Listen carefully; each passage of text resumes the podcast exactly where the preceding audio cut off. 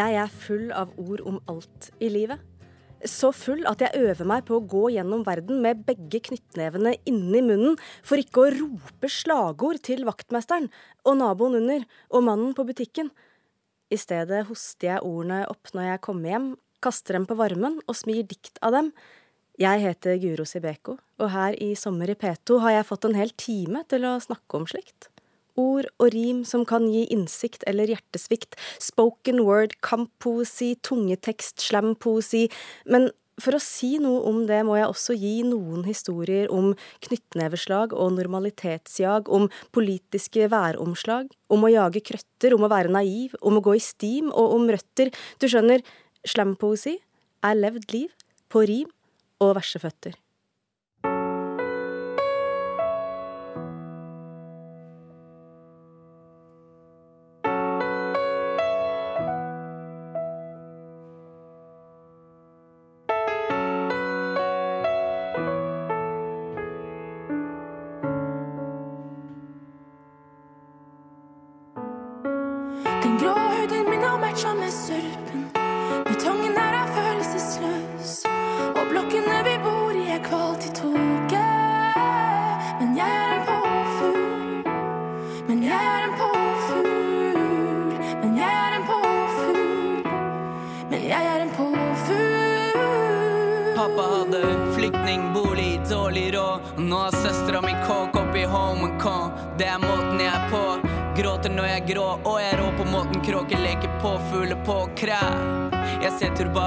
broren min. Hun lille hijab som gruer seg til skolen sin. Jeg ser mamma og pappa, og jeg elsker begge, selv om jeg data en hvit chick og ting fløy veggimellom.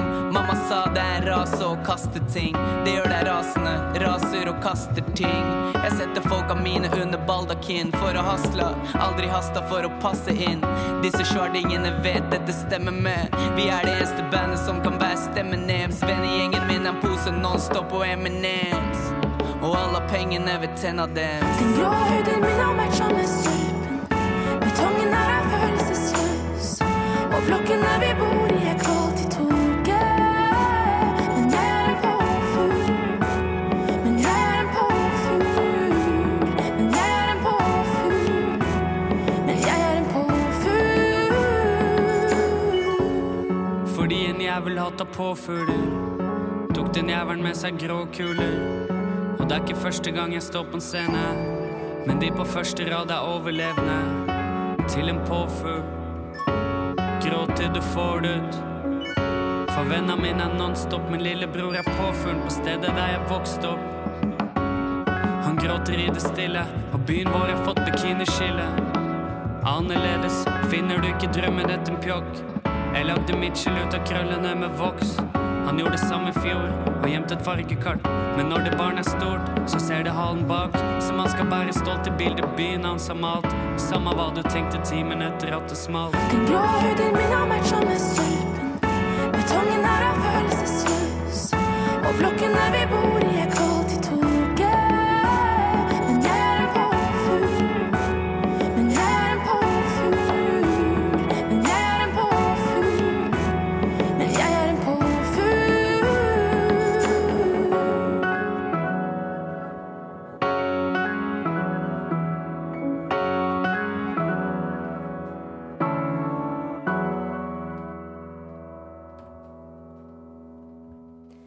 Det var Carpe Diem og Maria Mena med Påfugl. Påfugl er et fint ord for sånne som meg. Jeg er født utafor Lillestrøm, utafor det gode selskap, utafor enhver norm for akseptabel oppførsel. Folk på gata trodde jeg var adoptert, at mamma var så ubegripelig snill at hun tok til seg negerunger.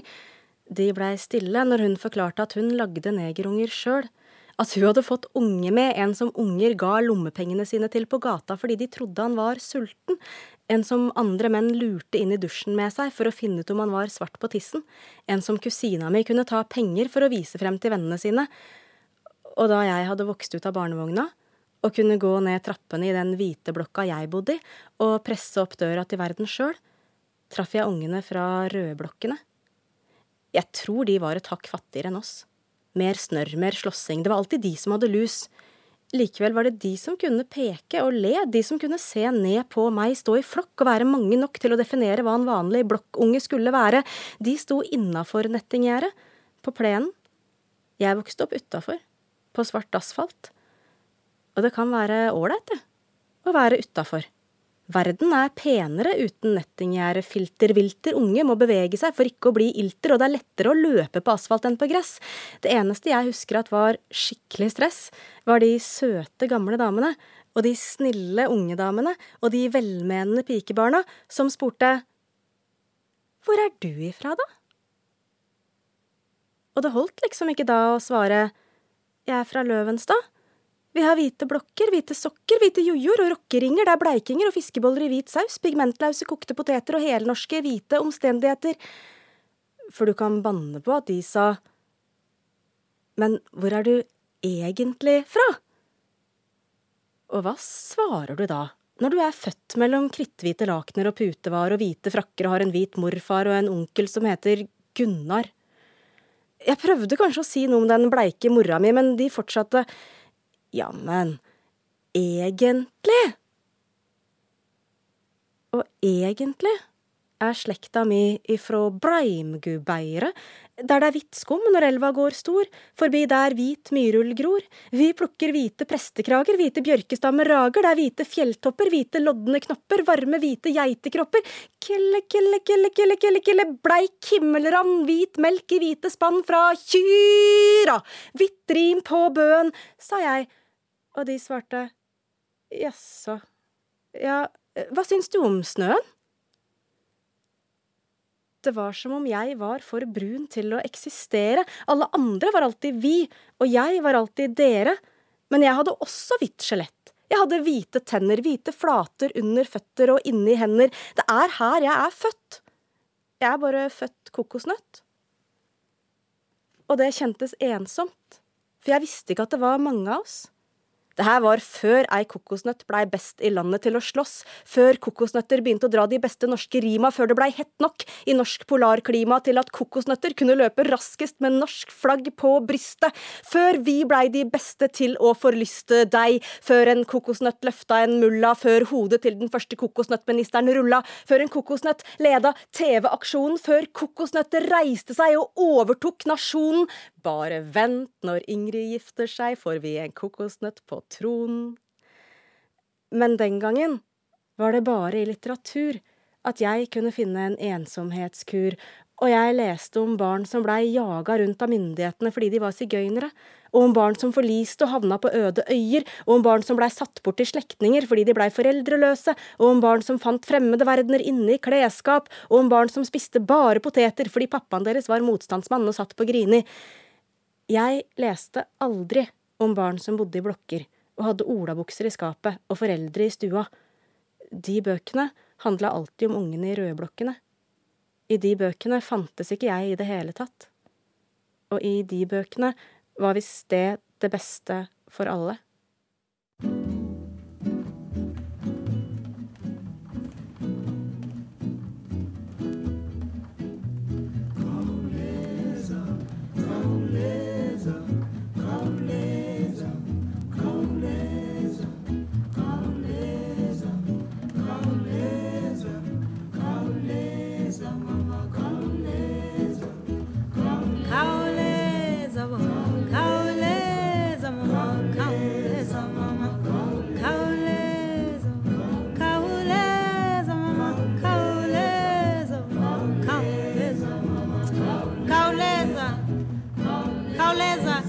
South African song.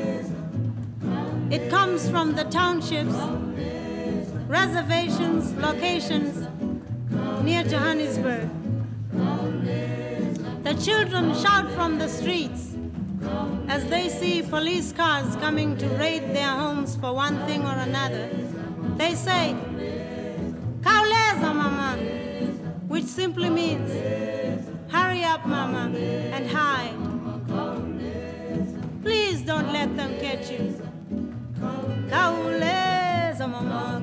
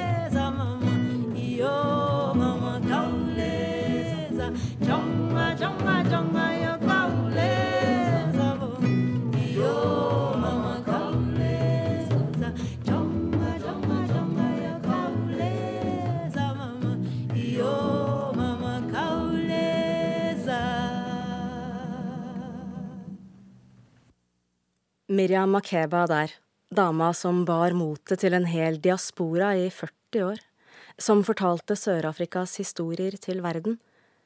Og sterke historier kan forandre verden. Historiene til pappaen min burde ha snudd vinden, stansa tidevannet, senka jordas rotasjonshastighet. Han burde ha ropt dem ut fra toppen av Kilimanjaro, eller i alle fall fra vinduet i andre etasje i rekkehuset på Skjetten. Han valgte å mumle dem i stedet, på huk foran peisen. Han dytta kubbe etter kubbe inn i flammene for å holde vinterkulda ute av huset, ute av kroppen han aldri snakka om at hadde blitt torturert ute av hjertet han aldri snakka om at hadde blitt knust. Han satt på huk, jeg dingla med beina, jeg tygde kneippbrødskiver, han mata meg med ord. Gule løver i gult gress, lynraske giftslanger i skyggen av trærne, tørr maisgrøt og sauehoder stekt på spidd, mødre som gjemte sønners våpen i kullbingene, kullsot over Soweto, svarte netter fulle av musikk, svartere netter fulle av hundeglam og sinte politistemmer, fengselsbetjenter som ble lurt, overmanna og lurt igjen, geriljasoldater som løp time etter time, dag etter dag, for ikke å bli fanga av fienden, for ikke å bli spist av den sultne hyenen, for ikke å bli truffet av kulene som suste rundt øra på dem, suste inn i leggen til pappaen min. Han har et rundt arr der. Det syns godt når morgenkåpa glei ned fra kneet, og jeg retta ryggen, for pappaen min var soldat. Men når bestemor var på besøk, hysja hun på pappa. Hva vil naboene tro når jentungen forteller at faren hennes har vært i fengsel? Naboene trodde jentungen var sprø, fordi hun var reddere for amerikanere enn for russere, og syntes Winnie Mandela var lysår kulere enn Nelson, fordi hun godt kunne få episk mye juling av alle gutta på en gang, men aldri sa gi meg. Naboene leste kjærlighetshistorier fra virkeligheten i ukebladene, uten å vite at pappaen min en gang måtte velge mellom kjærligheten til en fransk journalist og kjærligheten til den heroiske kampen for folkets frihet.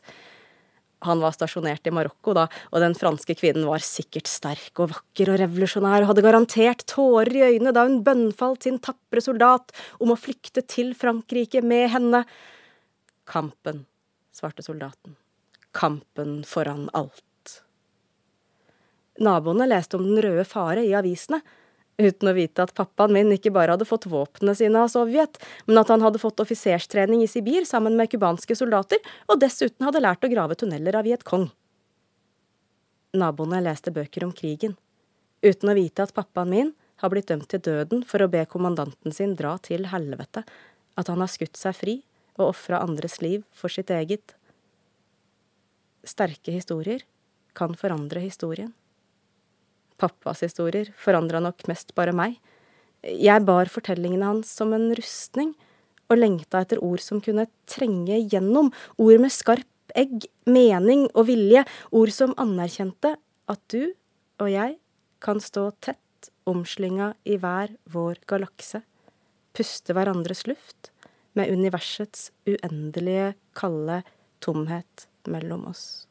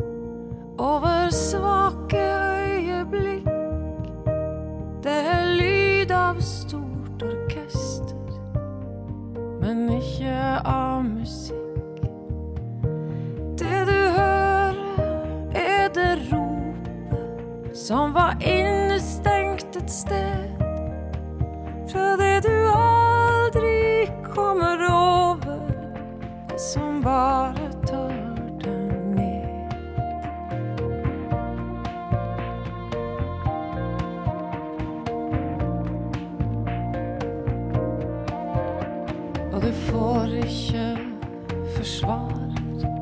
Du får ikke noe forlik. Du er nådeløs som dommer over dine egne svik. Og du dømmes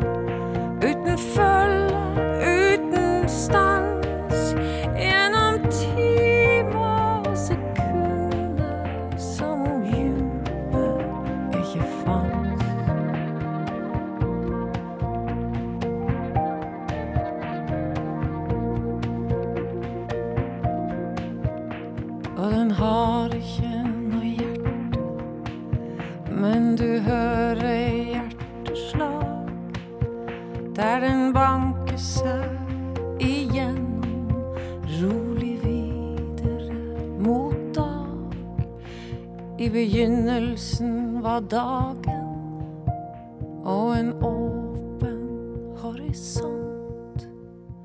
La det nu bli lys igjen, sjøl om det gjør vondt.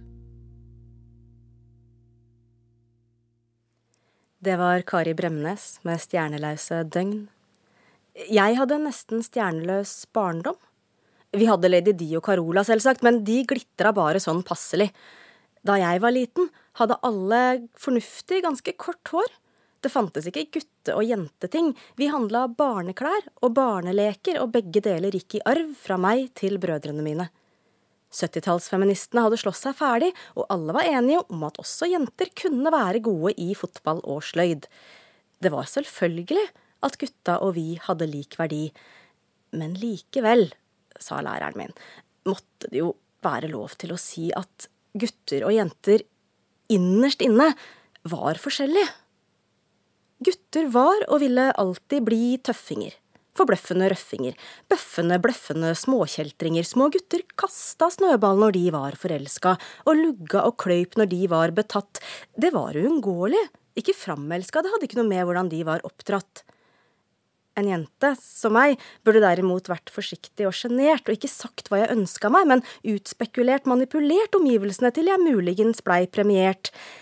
Jeg burde aldri kalt Petter en sjiraff, selv om han hadde lang hals og fregner og hadde kalt meg ape først. Klart han slo da. Jeg burde aldri slått tilbake, selv om Thomas var mindre og svakere enn meg. Klart han sparka mot hodet da.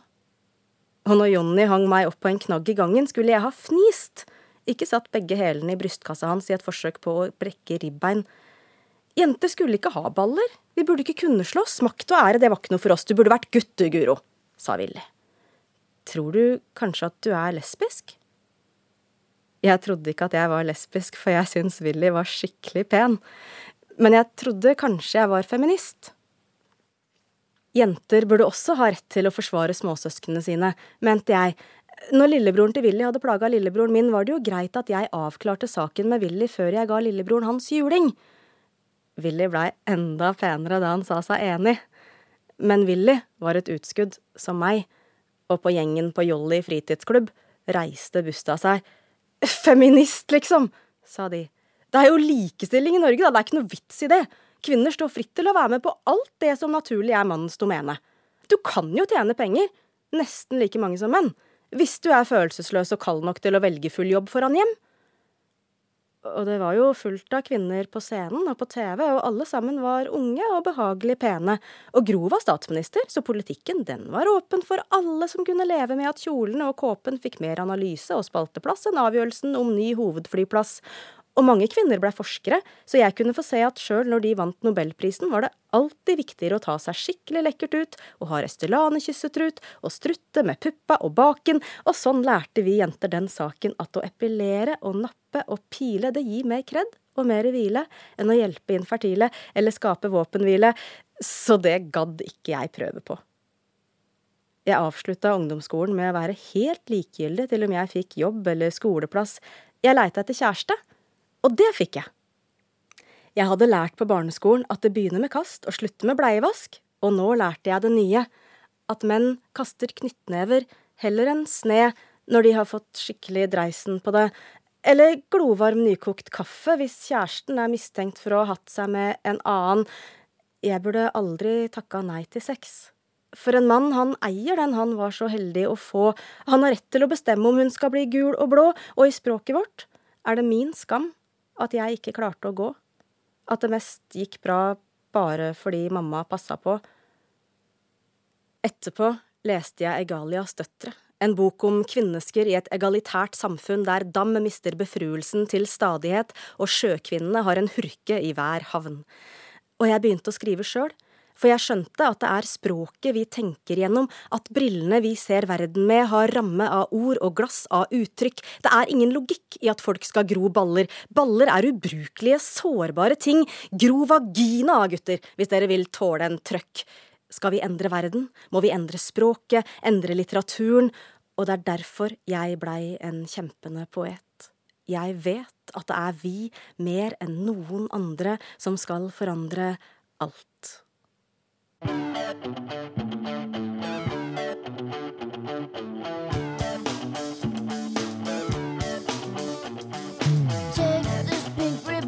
Off my eyes.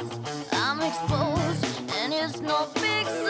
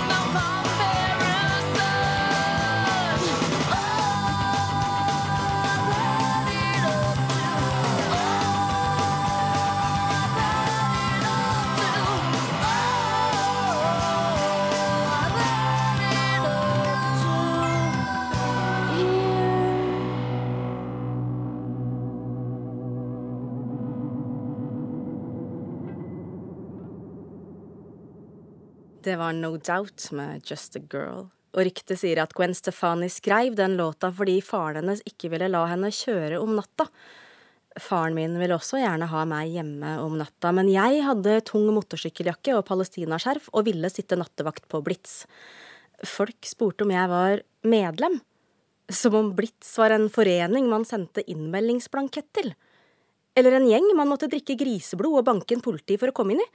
Eller en russebuss, kanskje, som han kunne kjøpe seg plass på. Det var jo ikke sånn. Selv om vi hadde et slags helt usynlig knutesystem. Knute for å ha blitt bitt av politihund utenfor en strippeklubb. Knute for å kunne argumentere for hvorfor kjøp og salg av sex og kropp var kapitalismens mest forkastelige og menneskefiendtlige konsekvens. Knute for å ha slåss mot nynazister. Knute for å kunne argumentere for at troll ikke sprekker i sola, at å gi fascister taletid legitimerer dem og får folk til å tenke at enkle fiendebilder og sterke menn er forlokkende. Knute for å ha blitt ridd ned av politihester utenfor det sørafrikanske konsulatet. Knute for å kunne redegjøre for apartheidlovgivningen og konsekvensene for Sør-Afrikas svarte befolkning. Skikkelig stor knute for å være sørafrikaner. Knute for å gå først i demonstrasjonstog med megafon. Amandla! Ropte jeg. Det betyr makta. Awetu! svarte de andre. Det betyr til folket.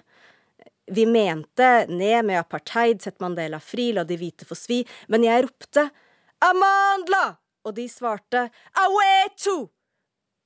Selv om makta til folket ikke ville gitt meg noen nærhet til makta. For meg var folket en fjern masse som massekommuniserte seg til massepsykose. Folket var et masseødeleggelsesvåpen, og jeg skalv i buksene, skalv i hjertet for folket som ikke likte ateister, og ikke likte drabantbybarn, og ikke likte homoer, og ikke likte punkere, og ikke likte negere. Ikke likte meg. Folket hadde fakler å tenne bålet med, folket hadde slipestein å kvesse stålet med, folket var bødler. Først mange år seinere da en sånn nynazist som vi sloss mot den gangen, en liten mann full av hat og angst bevæpna med manifester og raseteori og maskingevær, tømte magasinene i kroppene til barna våre, så jeg folket med hjertet i den ene hånda, folket med roser i den andre hånda, folket uten fakler, uten stål, og jeg skjønte at folket er jo negerbønder homofiskere, punkeadvokater, folket er anarkist-sosialarbeidere, folket er gudløse prester og imamer som elsker Jesus, folket er økonomer som ikke er religiøse nok til å tro på økonomisk teori, folket er ikke dere, det er vi! Og nå mener jeg jo det som jeg sa den gangen. Amandla! Aweto! Og jeg er helt sikker på at makta, den ligger i grafemer og morfemer, den må vinnes med minuskler og versaler. De eneste våpnene som duger, er tastatur og fyllepenner og smattende lepper og tunger som vender seg opp og ned og inn og ut for å uttrykke ulykke og lykke, smykke trommehinner til de sprenges opp og åpner veien inn til hvit og grå substans, smører synapsene med substansiell dissonans og vinner total dominans over hver minste samfunnsinstans. Amandla, awetu! til folket med skriftspråksnormer og dialektvariasjoner, til folket med språklige virkemidler og litteraturkanoner, til folket med grammatikk og lingvistikk, ortografi og kalligrafi og leksiografi og Knute for å skrive punktekster! Knute for å skrive slagord! Knute for å skrive rimpornografi til folket med poesi!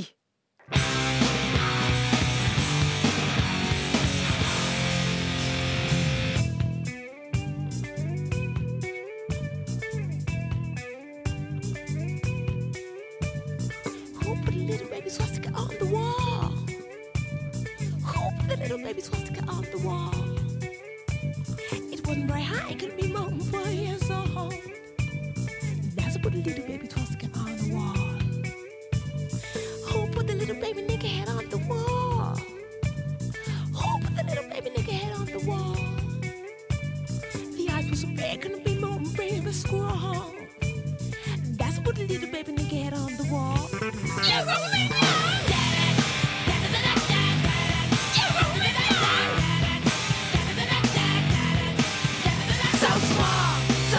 innocent, so young, so delicately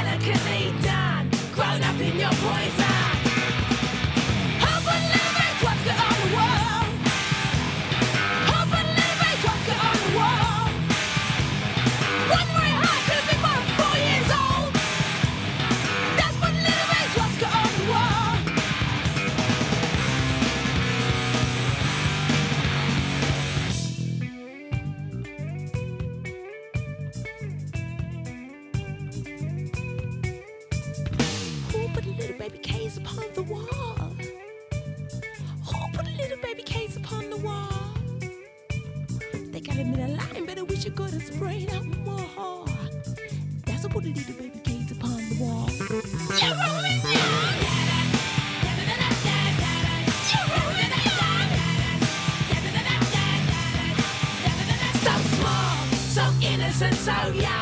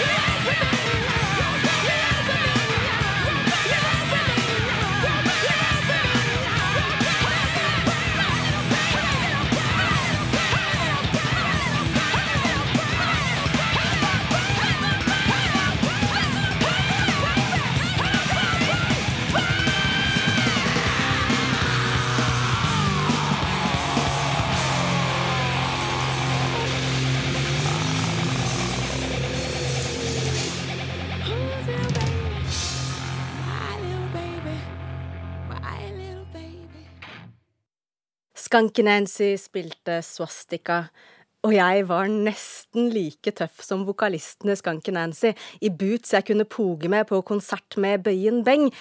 Men da Willy spurte om jeg kanskje trodde at jeg var lesbisk, skjønte jeg at han spurte om jeg kanskje måtte gå resten av livet i tresko og steinvaska olabukser og flanellskjorter, om jeg måtte legge meg til en mørk, hes stemme, og bare gå på fester som het Kvinnekveld, der tjukke damer kasta plaststoler og øl på hverandre og dansa jenka, og hate menn, til og med Willy, og aldri få barn, og aldri ha en normal samtale med faren min igjen, og aldri få møte slektningene mine i Sør-Afrika, selv om det bare var et spørsmål om tid før Nelson Mandela ble fri og ble president, og vi ikke lenger var flyktninger. Heldigvis syns jeg Willy var pen, og helt umulig å hate. Så jeg kunne leve videre i trygg forvissning om at tresko, flanellskjorter, jenka og grunnleggende menneskelig avvisning ikke ville bli mitt liv. At jeg var sørafrikaner og kokosnøtt og vestlending og punker og anarkist og feminist og overbevist ateist og storesøster og lillekusine og datter og en gang i fremtida mor, og at jeg dermed ikke kunne være lesbisk. For alle visste at lesbiske bare var det.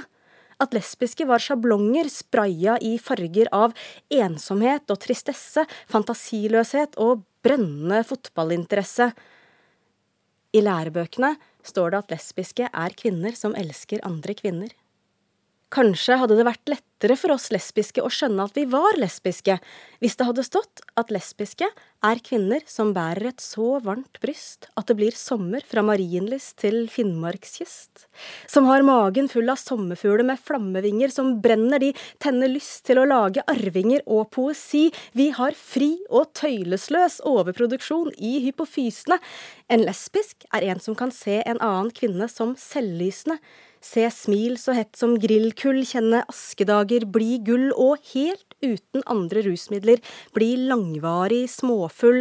Herlighet, lesbiske gå med huet sky og sveve fra daggry til måneskinn, døvblinde av kjærlighet.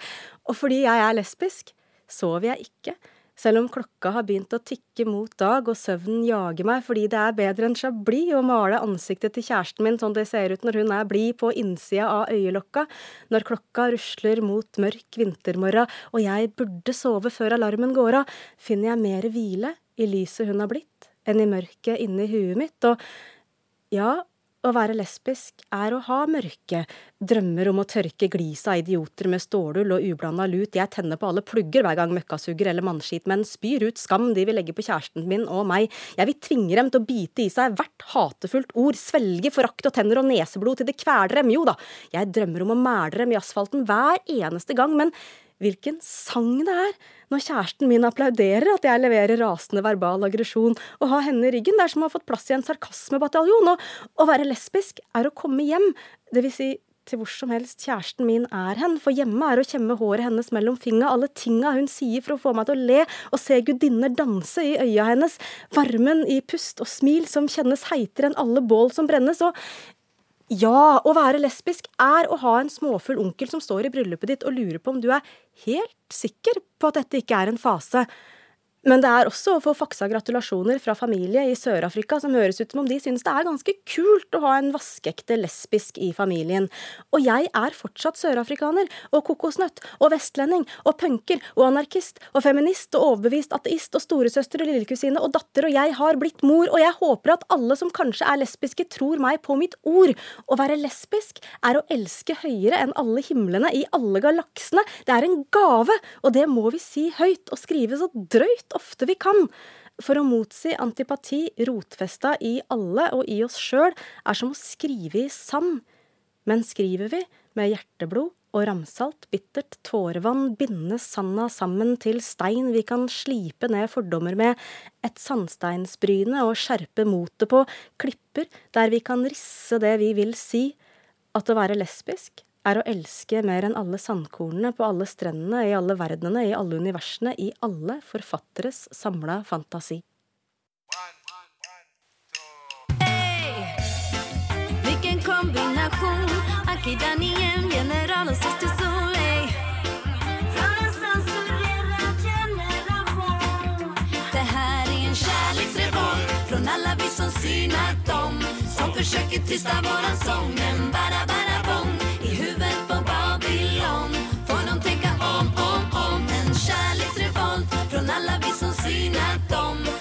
Våran sång Men bara, bara bong I huet på Babylon. For dem tenker om, För de kan aldrig tysta ner oss Med någon nylig i sur. För sanningen kan aldrig stängas in inombords Den kommer höras högt i alla ghetto-kidsens lur Pumpas ut i etern genom Facebook och Youtube Och vi är trötta på deras översittarstil När vi steppar upp på micken och berättar vad vi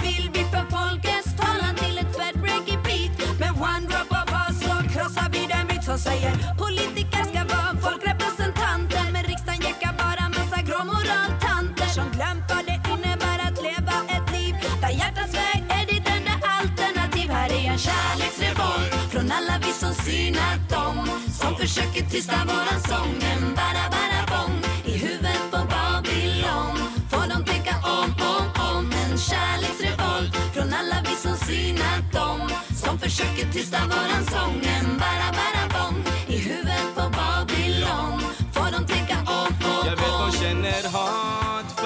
För de vet att det vi säger är sant Och allt folk finna det intressant De känner hat För de vill inte att sanningen ska fram Så de satsar allt på att haffa våra gram. Vi tvingas trampa, pampa, trampa oss fram. Oavsett du sippar som oss eller bara ibland. Du är en fet och slänger upp texter som sätter staten i brand. Babylon de skriker sänk, vi höjer basen så fan. Vi garvar hårt åt att ni vill lacka. Tänk på en liten låt kan få munnar att snacka. När vi ser er grina är vi bara stackars Om ni sen ger oss reklam vore tacksam. Babylon hatar reggae och hiphopkultur De vill tysta ner oss men de vet inte hur. Spliffen puffas på, då ropas det censur. Gör som jag vill för sån är min natur. Mörda dem i men man jag mördar dem i dur. Mina ord är som kulor man nu kommer den skur. Sanningen kommer alltid komma ut. Babylon är redan nu. Det här är en kärleksrevolt. från alla vi som synat dem Som försöker tysta våran sång. Men bara, bara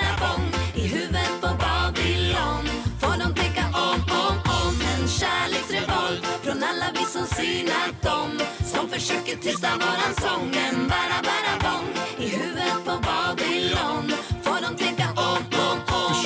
stoppa vår rörelse jo, de skyller på droger. Vi brottar ner oss efter spelningen, razzia i logen. Vi står utanför och röker upp det sista i påsen. Skrattar bäst, skrattar sist men spliff, tung shit från garderoben. Kritiken vi levererar är stickande.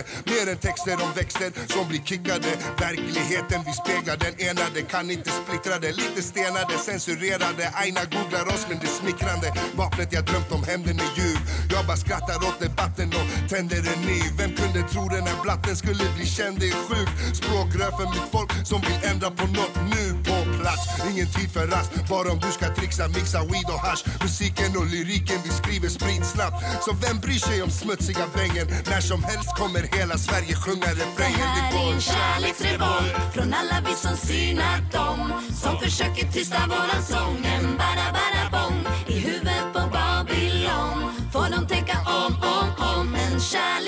kärleksrevolt från alla vi som synat dem som försöker tysta våran sång. En bara bara bong i huvudet på Babylon. Får de tänka om, om, om.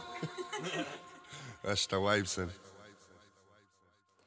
Det var Syster Sol som sang 'Kjærleksrevolt'.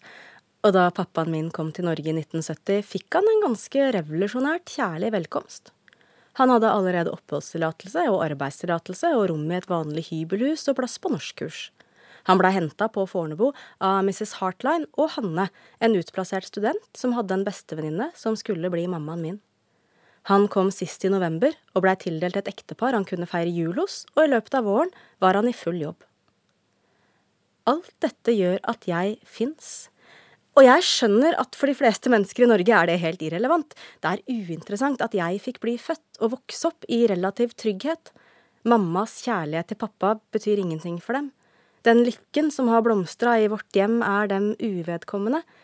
Men for oss fem, som fikk gi hverandre nattaklem og krangle om tannkremtuber og dorullretninger og fekte med syrlige setninger over pappas grilla kyllinger på kjøkkenbordet, utgjorde det at han fikk ja, at han fikk hjelp da han trengte det, redningen, verdensordningen, verden.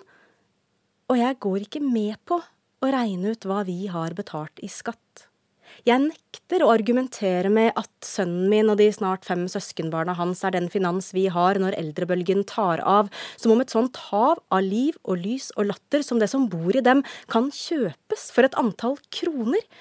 Vil vi være mennesker, må vi ha større ambisjoner enn å lønne oss, enn å prisfastsette hverandre, men når så mange av de andre danner beinhvite stier i ørkenen der de gikk, dekker bunnen av Middelhavet som syk mosaikk, er det vondt å holde seg til menneskelig logikk, human politikk og alminnelig etikk, for da kommer zombiene. Zombier stønner ikke gjerne. Tvert imot er det få ting de forakter som det. Virkelighetens zombier har tomme, kalde blikk stivt festa på hjertet mitt. De griper etter det med lydbølgetentakler som låter som lykkejegere og illiberale ekstremister og innvandringsregulerende hensyn. De trenger gjennom porene i trommehinna mi, grafser meg nedover halsen, roter rundt i brystkassa, siklende etter varm, bankende muskel, varm, bankende kjærlighet, følelser som kan gi næring et kort øyeblikk før både zombie og zombieoffer er uten og på desperat leiting etter neste offer. Zombiene har ikke skarpe tenner. De er bevæpna med stemmerett, stemmer hverandre frem, stemmer i hylekoret. Sperr dem inne! Send dem hjem! La dem dø! Korsfest! Korsfest! Bare kjærlighet kan seire over hatet. Jeg tenner en verbal flammekaster i mørket og sier Se min kjærlige knyttnevetekst, min poetisk elskende ståltupp, jeg skal gi zombiene følelser, jeg har lyrisk raseri nok til å fylle dem til bristepunktet og forbi, sjangertilhørighet nok til å blåse dem opp og i stykker, la dem regne over verden og bli ett med alt.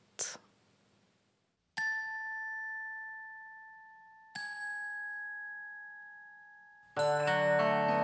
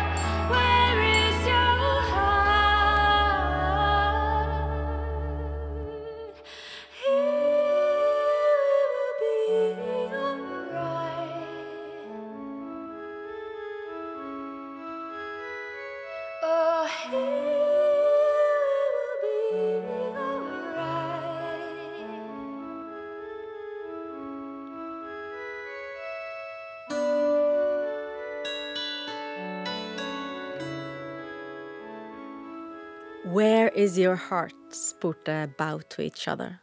Og nå om sommeren kan hjerter flagre fritt.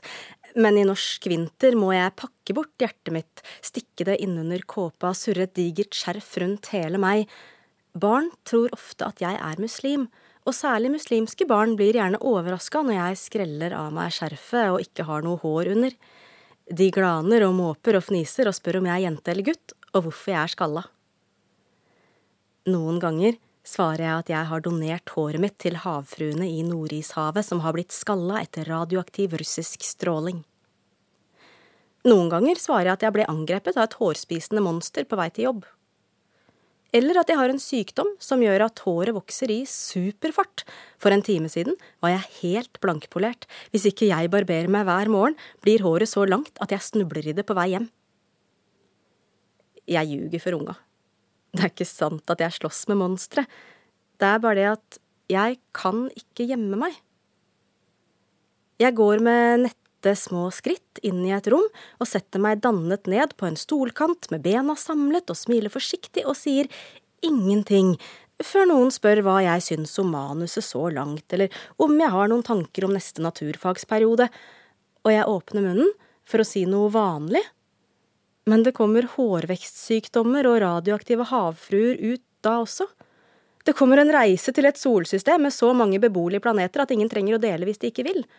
Og kjøttetende planter som blir vegetarianere av samvittighetsgrunner, og flyktninger som lurer barna sine til å tro at reisen over Middelhavet er et realityshow. Det kommer romvesentenåringer som poserer som ledere for Arbeiderpartiet og fører høyrepolitikk på bare faen. Det kommer romvesenforeldre som tar over USA for å jage tenåringen sin hjem igjen. Og romvesenhunder som har vært for lenge aleine hjemme og bare vil ha kjærlighet og kosmisk pinnekasting, men som ender opp på Frogner hos ei dame som ikke veit forskjellen på kosmisk og kosmetisk, og dermed må den stakkars bikkja løpe etter Restylane-sprøyter i stedet. Det kommer sprøyt! Og hvis jeg har vanlig hår, blir folk overraska. Og folk liker ikke det. Så da blir de sure og tverre og sta. Så at jeg er skalla, er et praktisk varselsignal. Og hvis jeg skriver romaner, er visst like uventa, og folk liker det like dårlig og blir like lite glad, og innimellom skikkelig sinna. Det er derfor jeg skriver slampoesi. For i den slags muntlig ordgyteri er det plass til alt det som lever i meg, alle rare tanker som svever i meg. Det er derfor jeg stapper begge henda inn i munnen. Jo grådigere jeg glefser i meg ordene, jo større blir krafta når jeg spyr dem opp igjen, og hver gang jeg vrenger dem ut av meg, får jeg lufta sjela, brannen i hjertet får ny oksygen, da, og av og til, i helt uforutsigbare øyeblikk, bygger diktet bro mellom galakser så jeg kan teleporteres forbi alle de erfaringene som gjør at jeg ellers aldri kan si at jeg føler meg inn forbi, og bli synlig, og ikke lenger være en fremmed i verden.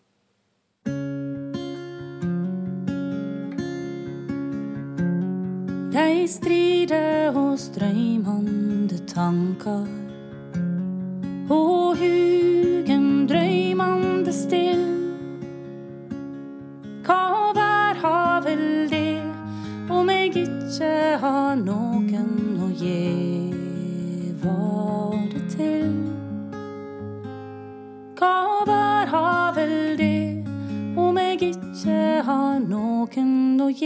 gjeva det til?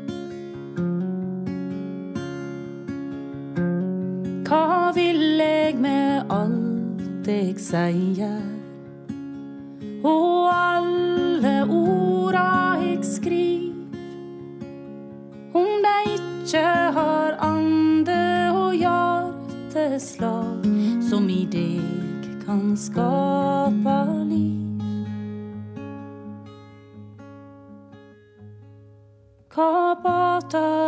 medgang i verda som kjem og tynger deg ned? Tomt er det alt om eg ikke har noen å dele gleda med. Hva vær har vel det om jeg ikke har noen å gjeva det